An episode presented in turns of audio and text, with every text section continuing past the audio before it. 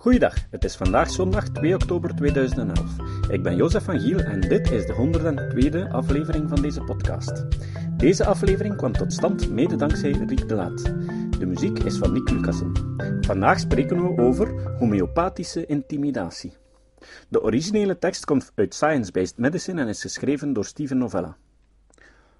Boiron de Gemoedelijke er zijn al veel gevallen geweest van grote bedrijven, organisaties of vermogende particulieren die een blogger wegens smaad dreigen aan te klagen of effectief aanklaagden.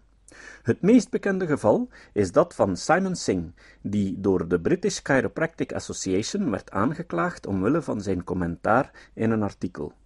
Simon trotseerde het dure en uitputtende juridische proces, vooral heel zwaar in Engeland. Maar hij is niet zomaar een eenzame blogger.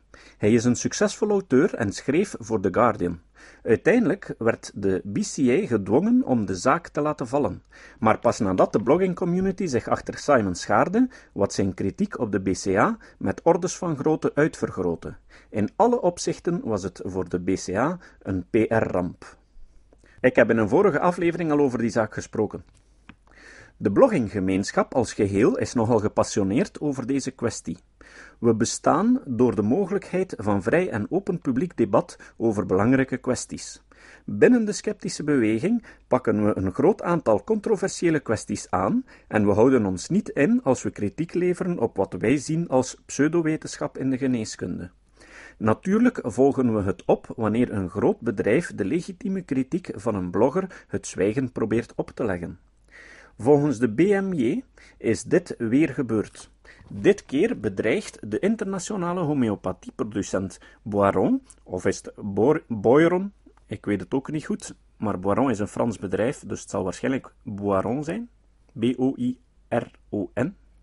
Een eenzame Italiaanse blogger, omdat hij het waagde om hun product Oscillococcinum te bekritiseren. De blogger Samuel Riva schreef twee artikelen op zijn blog, blogzero.it, bekritiserend wat Mark Crislip van Quackcast Osostomcosinum heeft genoemd. De blog is geheel in het Italiaans, maar hij houdt ook een pagina in het Engels bij met updates over de Baron versus Blogzero-affaire.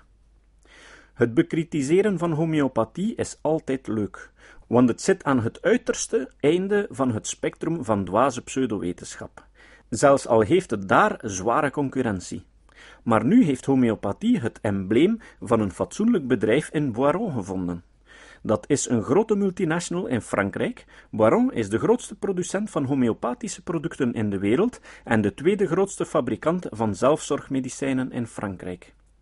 Wat ze met deze kleine blogger uithalen, is naar mijn mening niets minder dan bedrijfsintimidatie. Ze gebruiken hun macht en hun bedrijfsjuristen om te proberen de volledig legitieme kritiek op hun pseudowetenschappelijke producten het zwijgen op te leggen. Natuurlijk zullen ze er alleen maar in slagen die kritiek uit te vergroten. Riva suggereerde bijvoorbeeld dat Boirons oscillococcinum geen enkele werkzame stof bevat. Laten we het eens nader bekijken. Het bedrijf geeft Annas barbaria hepatis et cortis extractum 200 CKHPUS op als actief ingrediënt in dit product. De 200C betekent dat het vermelde ingrediënt 200 keer werd verdund met een verhouding van 1 op 100. Seriële verdunning is een grappig ding. Een 200C-verdunning is het equivalent van 1 milliliter van het originele ingrediënt verdunnen met een volume water ter grootte van het volledige bekende universum. Dit is heel ver voorbij het punt waar er een redelijke kans bestaat dat er zelfs maar één enkel molecuul van het oorspronkelijke ingrediënt overblijft. Dus was Riva volledig gerechtigd, zoals vele andere critici, te zeggen dat het 200C-product van Boiron geen werkzame stof bevat. In feite is het misleidend van iets dat 200C verdund is, te zeggen dat het een tussen aanhalingstekens actief ingrediënt bevat. Niet dat het in dit geval toe doet, omdat het oorspronkelijke ingrediënt op zichzelf al pseudowetenschap is, maar Chris Lip geeft de volledige details. Hier is mijn samenvatting. Tijdens de griepepidemie van 1919 kon een arts niet begrijpen dat de artefacten op het microscoopglaasje, waarschijnlijk bellen, zich willekeurig verplaatsten als gevolg van de Brownse beweging. Kijkend naar de weefsels van grieppatiënten door een microscoop, vond hij wat hij dacht dat het niet alleen de oorzaak van griep was, maar de oorzaak van alle ziekten. Kleine kokken, ronde bolletjes, die heen en weer bewogen onder de microscoop. Hij heeft deze wiebelende bubbels in alle weefsels van alle zieke mensen die hij onderzocht gevonden en dacht dat hij de ware oorzaak van alle ziekten had ontdekt. Pff, nog maar eens een oorzaak van alle ziekten. Hij is de enige persoon die ooit deze oscillerende kokken te zien kreeg. Vandaar de naam. Dat klopt. Oscillocossinum bestaat zelfs niet eens. In wezen neemt Boiron elfenstof en verdunt het tot er niets meer overblijft. De Annas barbaria hepatis is in principe eendelever, die verondersteld wordt het meest geconcentreerde onbestaande Oscillocossinum te bevatten. Het is pseudowetenschap in het kwadraat. Boiron beweert dat hun product de symptomen van griep behandelt. Wat laat het bewijsmateriaal zien? Ja, er is bewijs. Iemand heeft de moeite genomen om te testen of verdund elfenstof echt werkt. Dit is nog een ander interessant verhaal. Oscillocossinum was in het centrum van een andere genante controverse, deze keer met betrekking tot de Cochrane Collaboration. Zij publiceerden een Cochrane-onderzoek van Oscillocossinum voor de griep en de auteurs concludeerden. Hoewel veelbelovend waren de gegevens niet sterk genoeg om een algemene aanbeveling te maken om Oscillocossinum te gebruiken voor de eerste lijnsbehandeling van influenza en influenza-achtige ziektebeelden. Verder onderzoek is geboden, maar de vereiste steekproefomvang is groot. Huidige gegevens geven geen ondersteuning voor een preventieve werking van oscillocossinum-achtige homeopathische geneesmiddelen bij influenza en influenza-achtige ziektebeelden. Deze herziening werd representatief voor wat er mis is met Cochrane's aparte methode van evidence-based medicine. Merk op dat het bewijs in wezen negatief is, maar met een aantal positieve studies. Dat is wat er te verwachten is bij het bestuderen van een duur placebo, vanwege de vooroordelen van onderzoekers en de publicatie. Maar de auteurs concludeerden dat de behandeling, tussen aanhalingstekens, veelbelovend is en nader onderzoek gerechtvaardigd. Een science-based medicine beoordeling van dezelfde gegevens kwam tot een heel andere conclusie. De gegevens zijn wat we zouden verwachten bij een ineffectieve behandeling. Verder rechtvaardigt de zeer ongeloofwaardige aard van de behandeling op verschillende niveaus de conclusie dat het niet werkt. Het geen belofte inhoudt en dat geen cent kostbaar onderzoeksgeld meer moet worden verspild om deze fantasie na te jagen. Uiteindelijk werd het Cochrane-onderzoek ingetrokken. We interpreteren dit als een kleine overwinning voor science-based medicine, hoewel we niet weten welke rol, indien al aanwezig, hun kritiek heeft gespeeld in de beslissing om het onderzoek te trekken. Conclusie. Ik hoop dat Boiron een kruis trekt over hun Oscillocossinum-product en dat het de kern wordt van een bredere publieke discussie over homeopathie. Het grootste deel van het publiek begrijpt niet wat homeopathie in feite is. Ze denken dat het natuurlijke of kruidengeneeskunde betekent. Ze hebben geen idee van dat homeopathie in de eerste plaats gaat over uitgaan van fantasievolle ingrediënten met een dubieus verband met de symptomen en ze dan verdunnen tot onbestaand.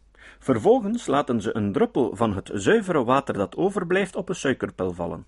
De resulterende pil zou dan de magische trillingen van de oorspronkelijke stof bevatten. Deze af te keuren pseudowetenschap die niet thuis hoort in de geneeskunde van de 21ste eeuw, is de handel van Boiron. Laten we eens zien hoe ze zichzelf en hun producten proberen te verdedigen. Laten we eens kijken hoe ze bloggers en mensen die alleen maar proberen om het publiek de waarheid te vertellen, gaan lastigvallen. Laten we eens horen hoe ze in het openbaar gaan uitleggen hoe luchtbellen in fantastisch verdunde edenlever de griep kan behandelen. Op de website van Skep staat ook een prachtig artikel met als titel De eend van 20 miljoen. Waarom had namelijk maar één eendelever nodig om alle mogelijke oscillocossinum te produceren voor de rest van zijn bestaan. Nou ja, want je kunt er een hoeveelheid voor produceren groter dan het volume van het universum. Nog een sceptische podcast. Onlangs ontdekte ik een podcast over scepticisme in het Frans. De Belg Jean-Michel Abrassard publiceert namelijk de podcast Scepticisme Scientifique. Ik heb al enkele afleveringen beluisterd en het is opmerkelijk om vast te stellen dat hij ongeveer dezelfde route als ik gevolgd heeft. Ook geïnspireerd door de Skeptic's Guide to the Universe, op zoek gegaan naar een sceptische podcast in zijn eigen taal en niet gevonden. Zeker de moeite waard als je Frans begrijpt, en door te geven aan Franstalige vrienden. Ik heb hem gemaild en hij heeft me gevraagd of hij me mag interviewen voor zijn podcast. Ik hou jullie op de hoogte. Ondertussen heb ik het idee opgevat om een bladzijde op mijn website te wijden aan het oplijsten van sceptische podcasts in andere talen. Regelmatig kom ik anderstalige collega's en vrienden tegen die me vragen waarom onze podcast niet in het Engels is, zodat zij het ook kunnen begrijpen. Wel, heel eenvoudig, omdat er al zoveel in het Engels zijn. Dus heb ik op de titelblok van onze website een figuur met vlaggetjes geplakt. Als je daarop klikt, komt je op een bladzijde met die lijst. Aan Engelstaligen heb ik al genoeg. Je weet wel, de Skeptics Guide, Skeptoid enzovoort. Met die van Jean-Michel heb ik nu al een Franse podcast en ik heb ook een Italiaanse gevonden. Alleen wegens gebrek aan kennis van het Italiaans heb ik het nog niet kunnen evalueren. Maar als iemand van de luisteraars dat voor mij wil doen en me erover wil informeren, zal ik zeer dankbaar zijn. Ik zoek nog iemand die de tekst over de Italiaanse podcasts op die bladzijde wil vertalen in het Italiaans en iemand die mijn Duitse tekst even wil corrigeren, want mijn Duits is ook niet zo fantastisch. En tenslotte zoek ik nog sceptische podcasts in het Duits en het Spaans, maar ook in alle andere mogelijke talen. European Podcast Awards. Kritisch Denken is genomineerd voor de European Podcast Awards. Heb je ondertussen al gestemd? Nee? dan kan je dat nu nog doen. Je kan nog stemmen tot eind oktober. Op mijn website vind je de link. En je kan meerdere keren stemmen. Vergeet ook niet om je vrienden hiervoor warm te maken. Het citaat. Het citaat van vandaag is van Willem Bets. Willem Bets is de voorzitter van SCEP en is professor emeritus van de Vlaamse Universiteit van Brussel, waar hij huisartsengeneeskunde doseerde. Hij was door de Belgische regering ook aangesteld als een van de experten voor het opstellen van de kost-B-rapport, dat regels moest uitwerken voor de erkenning van alternatieve geneeswijzen. Naar aanleiding van de wet Cola.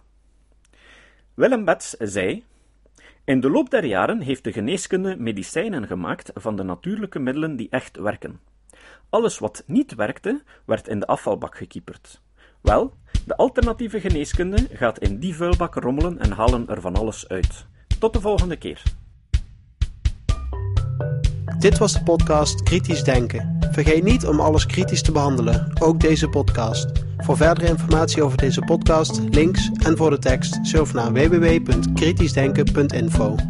Als je deze podcast belangrijk vindt, kun je me steunen door andere warm te maken ook eens te luisteren. Stuur een e-mail naar vrienden met een link naar de website en plaats de link in de handtekening van je e-mails. Tevens kun je op iTunes deze podcast een beoordeling geven of een recensie schrijven.